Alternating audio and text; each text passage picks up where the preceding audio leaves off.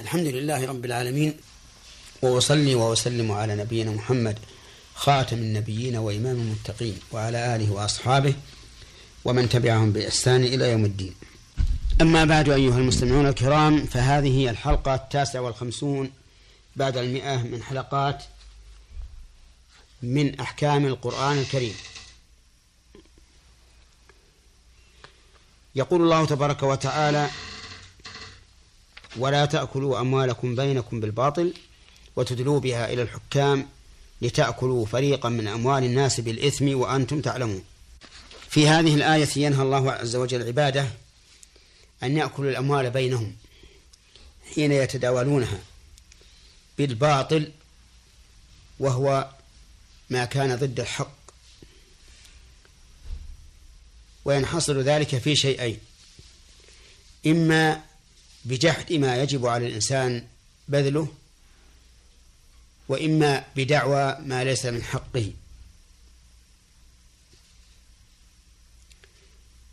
فمثال الأول أعني جحد ما يجب على الإنسان بذله أن يكون في ذمة شخص لغيره ألف درهم. فيدعيه صاحبه فينكر المطلوب ويقول إنك لا تستحق علي شيئا ويكون الطالب ليس له بينة. ففي هذه الحال سوف يحكم القاضي ببراءة المدعى عليه إذا حلف. لقول النبي صلى الله عليه وعلى آله وسلم البينة على المدعي واليمين على من أنكر. ومثال الثاني وهو ادعاء ما ليس من حقه أن يدعي شخص على آخر أن في ذمته له مئة أن في ذمته له مئة درهم ويأتي ببينة زور تشهد بذلك فيحكم على المدعى عليه بالباطل بناء على هذه الشهادة الباطلة. ومن المعلوم أن القاضي سيحكم بما يظهر لقول النبي صلى الله عليه وعلى آله وسلم إنكم تختصمون إلي ولعل بعضكم أن يكون ألحن بحجته من بعض فأقضي له وإنما أقضي بنحو ما أسمع.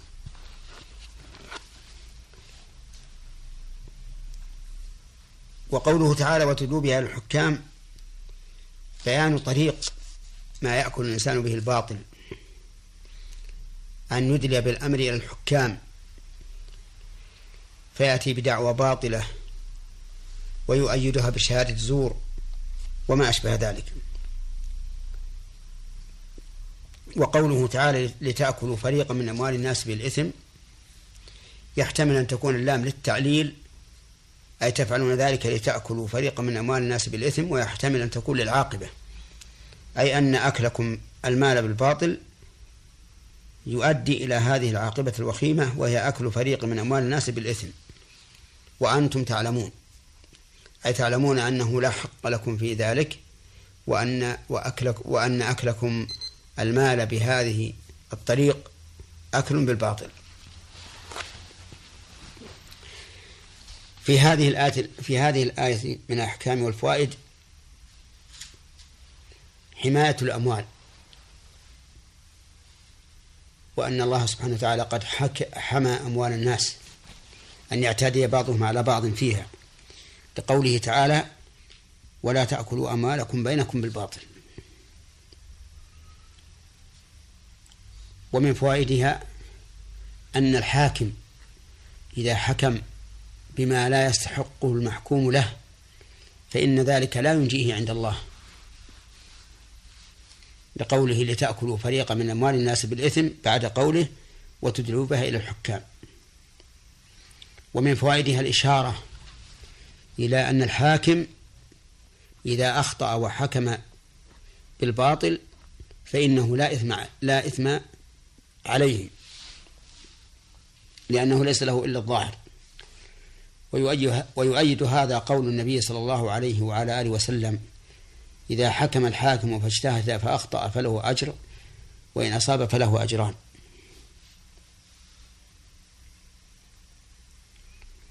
ومن فوائد هذه الآية وأحكامها أن من أكل مال غيره يظن أنه أكله بحق ولم يعلم أنه أكله بباطل فإنه لا إثم عليه. لقوله لتأكلوا فريقا من أموال الناس بالإثم وأنتم تعلمون. ولكن متى علم أنه لا حق له فيه؟ وجب عليه رد الحق إلى صاحبه أو استحلاله منه.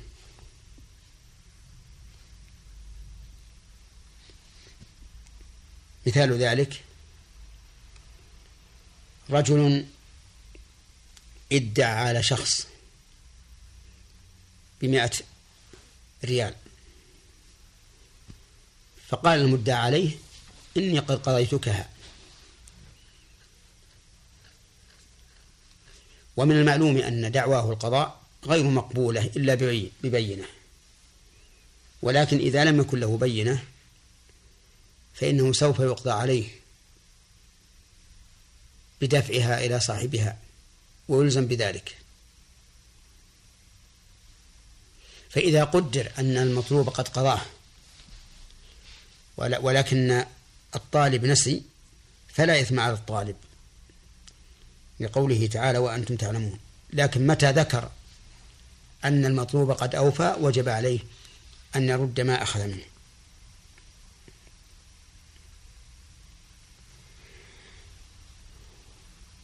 ومن فوائد هذه الآية وأحكامها أنه قد يؤخذ منها أن أكل مال المعاهد والمستأمن والذمي بالباطل محرم. لقوله لتأكلوا فريقا من أموال الناس بالإثم.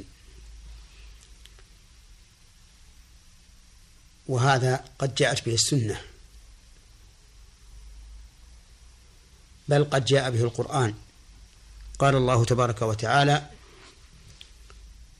وإن أحد من المشركين استجارك فأجره حتى يسمع كلام الله ثم أبلغه مأمنة. وقال تعالى إلا الذين عاهدتم عند المسجد الحرام فما استقاموا لكم فاستقيموا لهم إن الله يحب المتقين.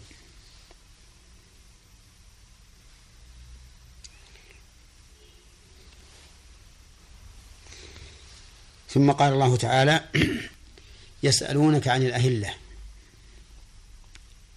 قل هي مواقيت للناس والحج. وليس البر بأن تأتوا البيوت من ظهورها ولكن البر من اتقى وأتوا البيوت من, من, من أبوابها. واتقوا الله لعلكم تفلحون. الخطاب في قوله يسألونك لرسول الله صلى الله عليه وعلى آله وسلم والسائل هم الصحابة رضي الله عنهم. سألوا النبي صلى الله عليه وسلم لما يبدو القمر هلالا أول الشهر ثم لا يزال يتزايد حتى يبدر فأجيب بهذا الجواب. وقيل إنهم سألوا أعني الصحابة عن الأهلة يعني ما الحكمة منها. لا عن كونها تبدو هلالا في أول الشهر ثم تبدر في منتصف الشهر. فأجاب الله سبحانه وتعالى على هذا السؤال حيث أمر نبيه أن يقول قل هي مواقيت أن يقول هي مواقيت للناس والحج. هذا الحكمة من الأهلة. أن تكون بيانا للوقت. للناس في معاملاتهم وفي عباداتهم. لقوله قل هي مواقيت للناس والحج. فعموم قوله للناس يعني بذلك جميع معاملاتهم وأعمالهم التي تتوقف على الشهور. والحج يعني أن الحج أيضا مقيد بالشهور بالأهلة. ثم قال تعالى وليس البر بأن تأتوا البيوت من ظهورها ولكن البر من اتقى. وكانوا يعتقدون أن الرجل إذا قدم من حج أو عمرة فإنه لا يدخل من باب البيت وإنما يدخل متسلقا الجدار فبين الله تعالى أن هذا ليس من البر. وإن وأن البر هي هو التقوى لقوله تعالى ولكن البر من اتقى. والتقوى أن يتخذ الإنسان عبادة أن يتخذ الإنسان وقاية من عذاب الله بفعل أوامره واجتناب نواهيه. وأما دخول البيوت فإنما يكون من أبوابها. ولهذا قال وأتوا البيوت من أبوابها. ثم أمر تعالى بالتقوى وبين عاقبتها الحميدة فقال واتقوا الله لعلكم تفلحون.